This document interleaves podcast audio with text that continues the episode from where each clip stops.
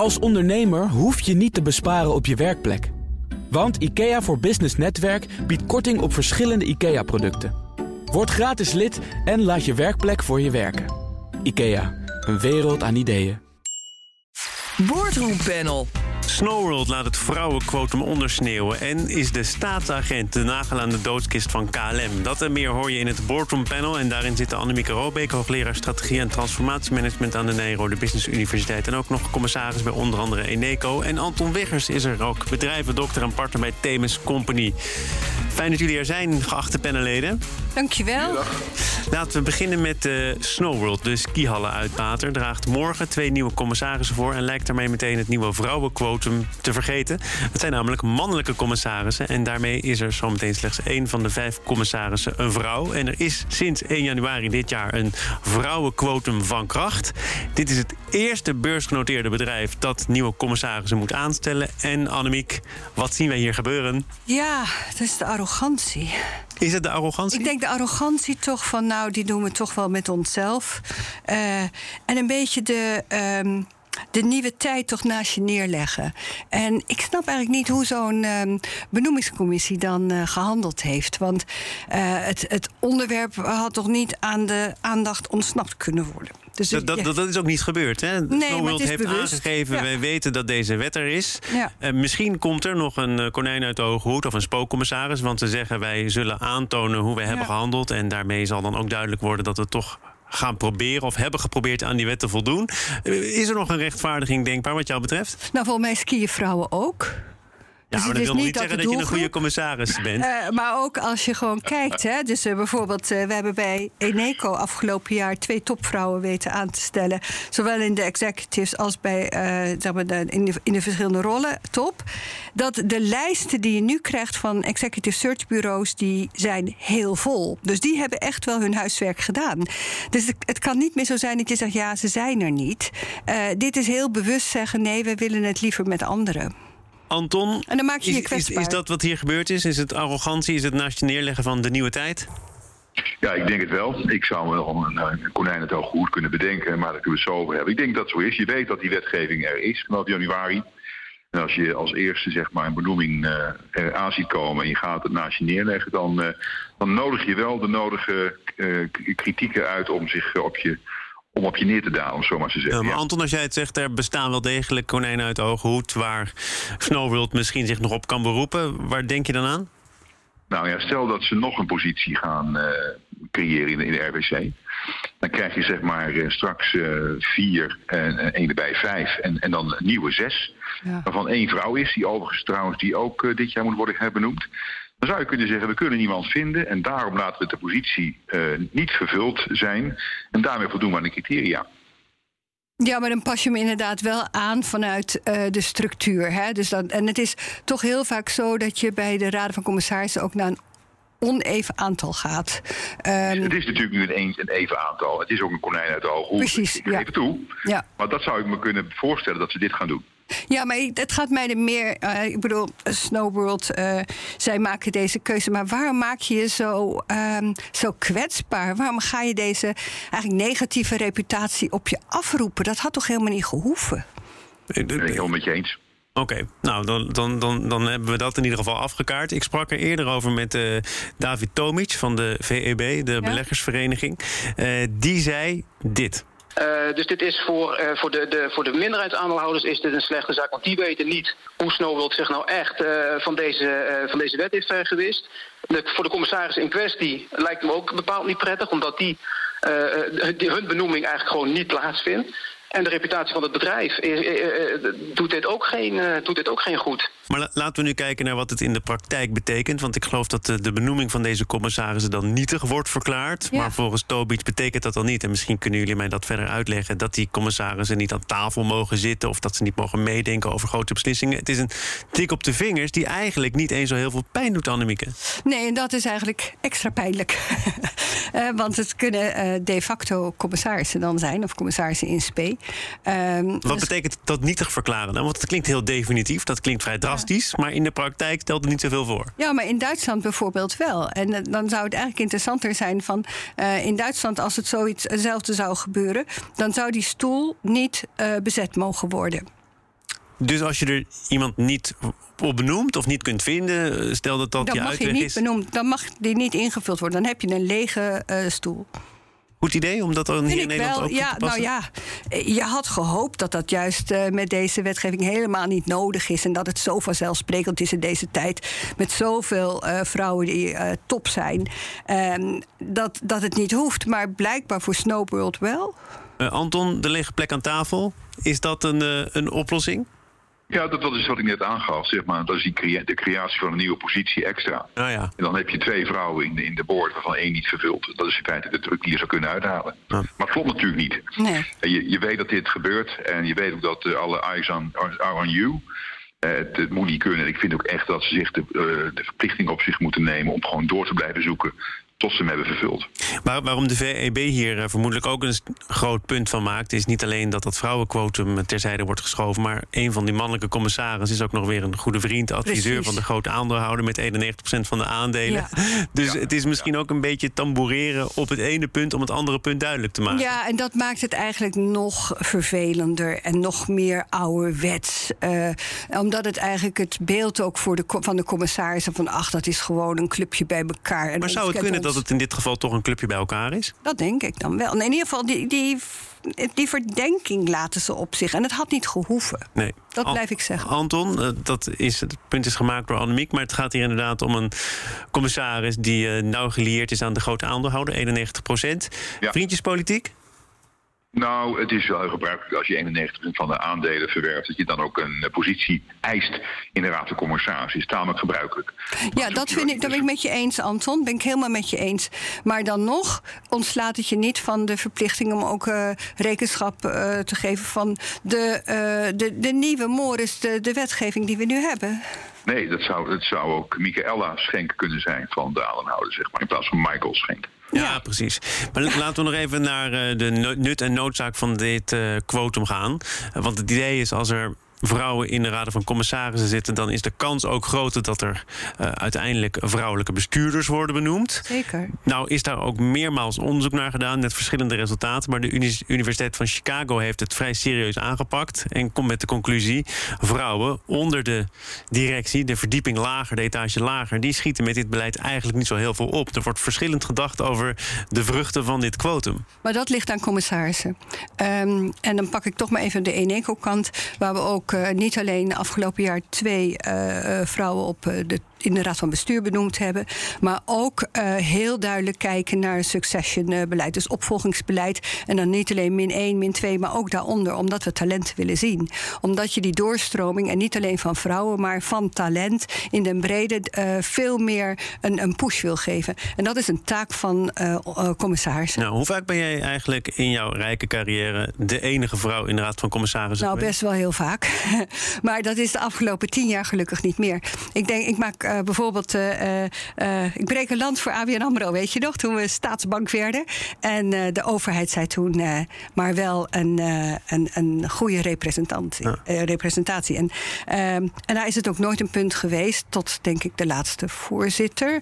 Eh, maar verder ehm, is dat eh, goed gegaan. Anton, ben jij wel eens in al jouw besturen of raden van toezicht, raden van commissarissen de enige man geweest?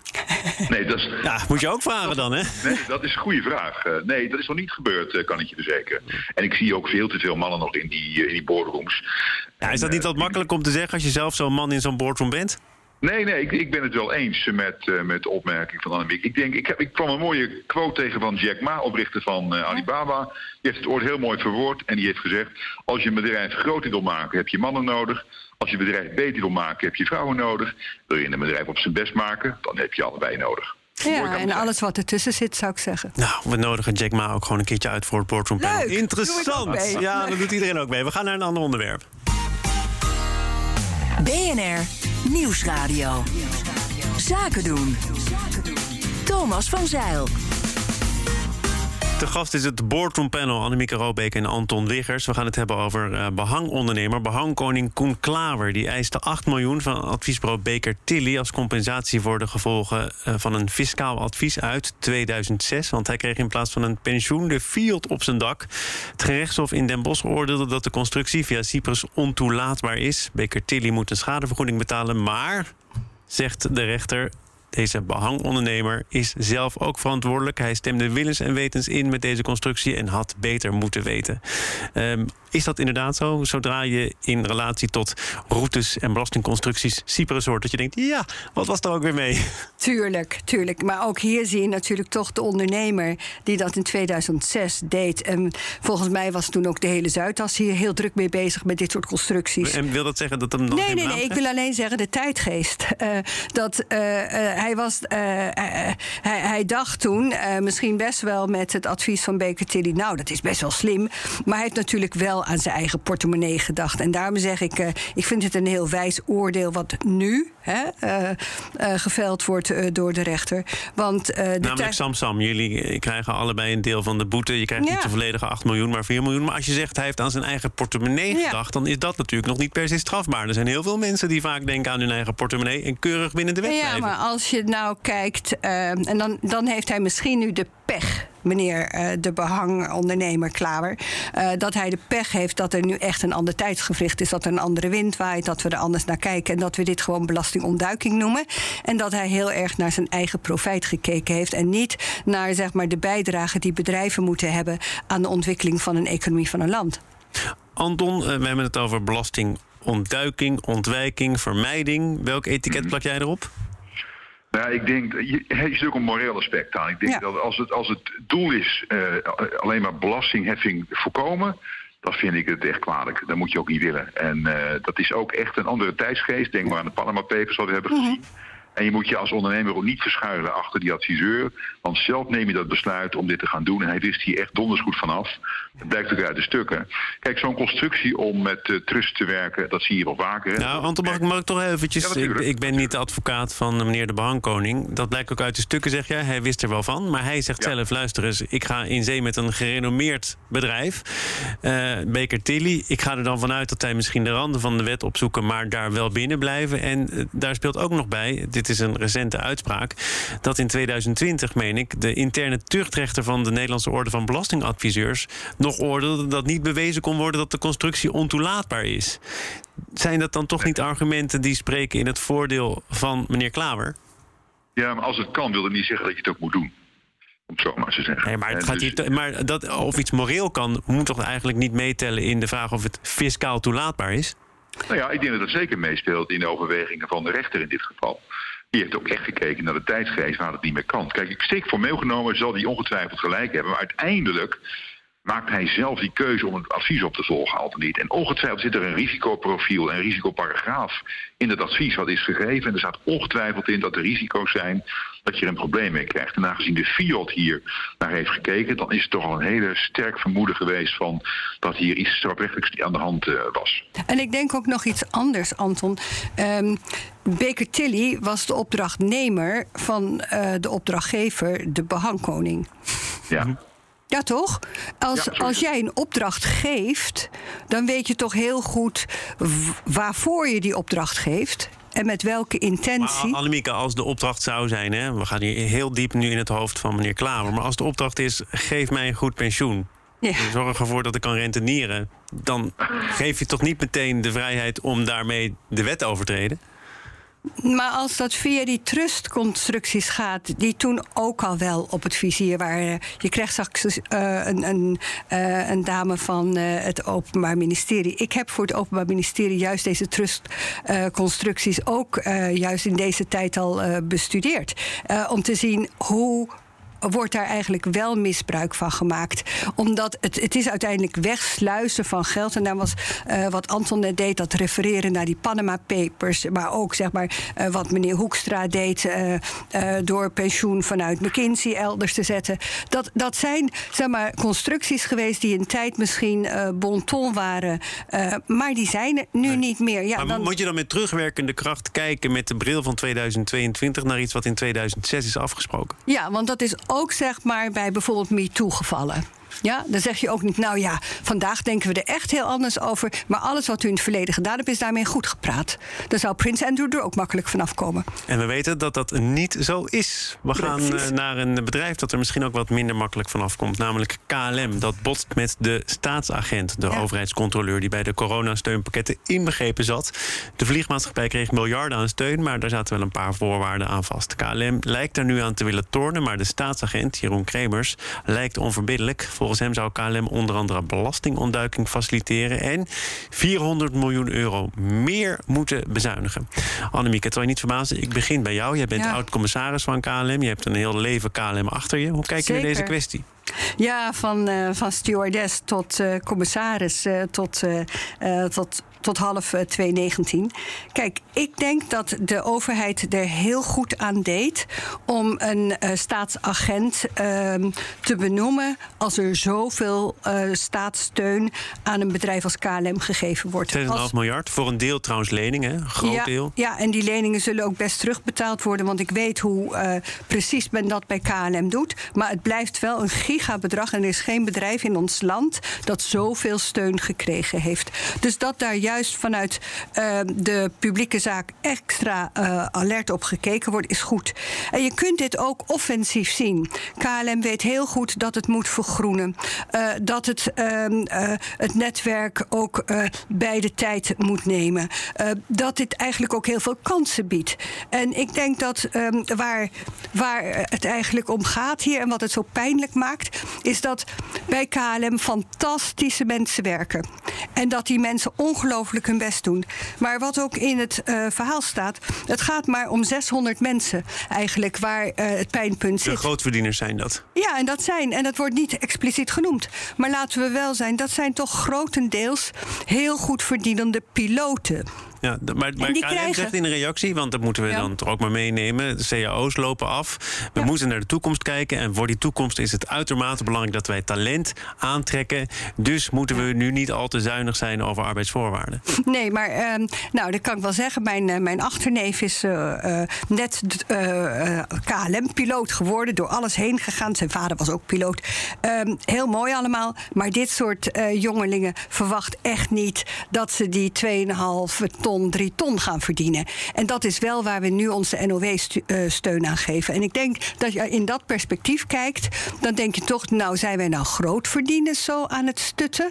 En, en die grootverdieners wonen voor een deel juist ook nog allemaal in het buitenland. En die krijgen die gratis vluchten. Ja, dat is en de dat faciliteren waar het over gaat. Ja. ja. Dus je, kan, je bent het eigenlijk op alle fronten eens met de staatsagent. Ja, ja, ik ben het eens met dit punt. Omdat ik denk, ook hier geldt, als jij veel geld verdient um, uh, voor uh, de maatschappij, voor, voor een KLM, dan moet je ook hier je belasting uh, betalen.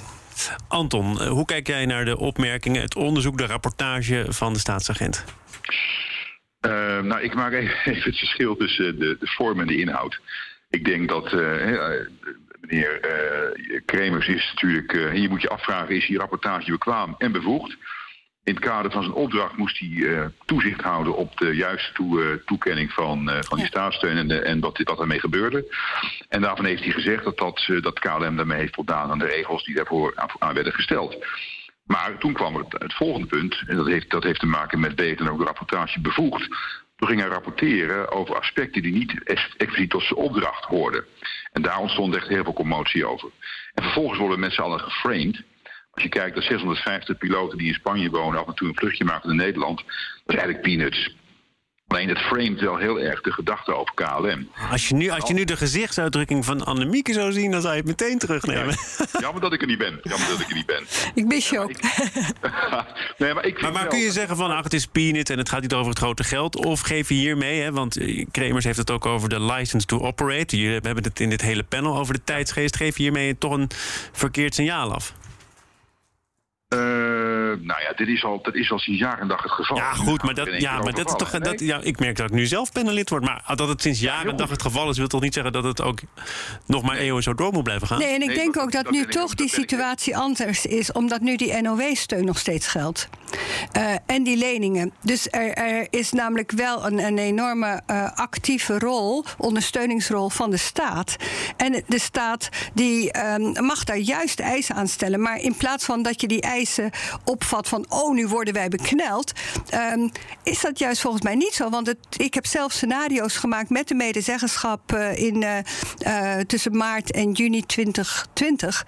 En juist laten zien dat er een nieuwe toekomst voor de KLM en groener en innovatiever en ook eerlijker kan zijn. Omdat het niet meer van deze tijd is om de allerbest betaalde KLM-piloten, om daar zeg maar, deze bedragen belastingvrij aan te geven. Maar, maar even, even strikt genomen terug naar jouw punt, Anton. Jij zegt eigenlijk, hij heeft opvattingen, hij doet meldingen over iets waar hij niet voor is aangesteld. Hoe terecht dat eventueel ook zou zijn of niet, hij gaat er niet over. Maar hij heeft wel. Nee, Anton, is, is dat je oh. punt? Ja, ik kan wel gelijk hebben, maar hij gaat er inderdaad niet over. Niet over al die aspecten die worden genoemd. Maar Anton, er waren toch eisen ook gesteld door de staat, al vanaf het begin? Namelijk, dat was die 20% die ingeleverd moest worden door de, uh, door de piloten. Dat was geen gewonnen race meteen voor uh, Pieter Elbers. Dat is uh, ook onder stoom en kokend water gebeurd. En meteen, eigenlijk nog voordat ehm, dat min of meer allemaal dan wel geregeld was, waren er alweer heel veel zaken ingegeven. En dat is een patroon dat ik denk dat wel eens een keer op een gezonde manier doorbroken kan worden. Omdat de machtspositie van de piloten anno 2022 in een um, ehm, KLM, onderdeel van Air France KLM, misschien wel te groot is ten opzichte van voor de het uh, broodnodige evenwicht. Het uh, slotwoord, slotpleidooi misschien wel van Anton Wiggers. Ja. Nou, ik zou, eh, ik zou dan nog een vaak advies willen geven aan, aan KLM Air France. Het volgende, uh, pak dat hele uh, pakket eens op van al die piloten... en reken dat in één keer af en vanaf overmorgen iedereen weer gelijk. Nou, nou dan is er in ieder geval kans voor veel talent. Ja, dan is het. En, en hoe denk je, dit past eigenlijk niet meer in de uitzending, maar ik moet je toch vragen. Pieter Elber stopt ermee. Ja. Moeten we dat ook zien in het licht van deze strijd die er binnen nee, dat denk ik niet. Eh, nee, dat is denk ik veel meer Air France KLM. Dat is Air France KLM. Nou goed, dan zijn jullie het toch ergens over eens geworden aan het einde van dit panel. Annemieke Robeek, hoogleraar strategie en transformatiemanagement aan de Nijrode Business Universiteit. Onder andere ook commissaris bij Eneco. En Anton Wiggers, bedrijvendokter, partner bij Themis Company. Dank voor jullie bijdrage aan dit spetterende panel. Een kleine update maakt een wereld van verschil. Daarom biedt IKEA voor Business Netwerk gratis snelle interieurtips en ideeën. Word gratis lid en laat je werkplek voor je werken. IKEA, een wereld aan ideeën.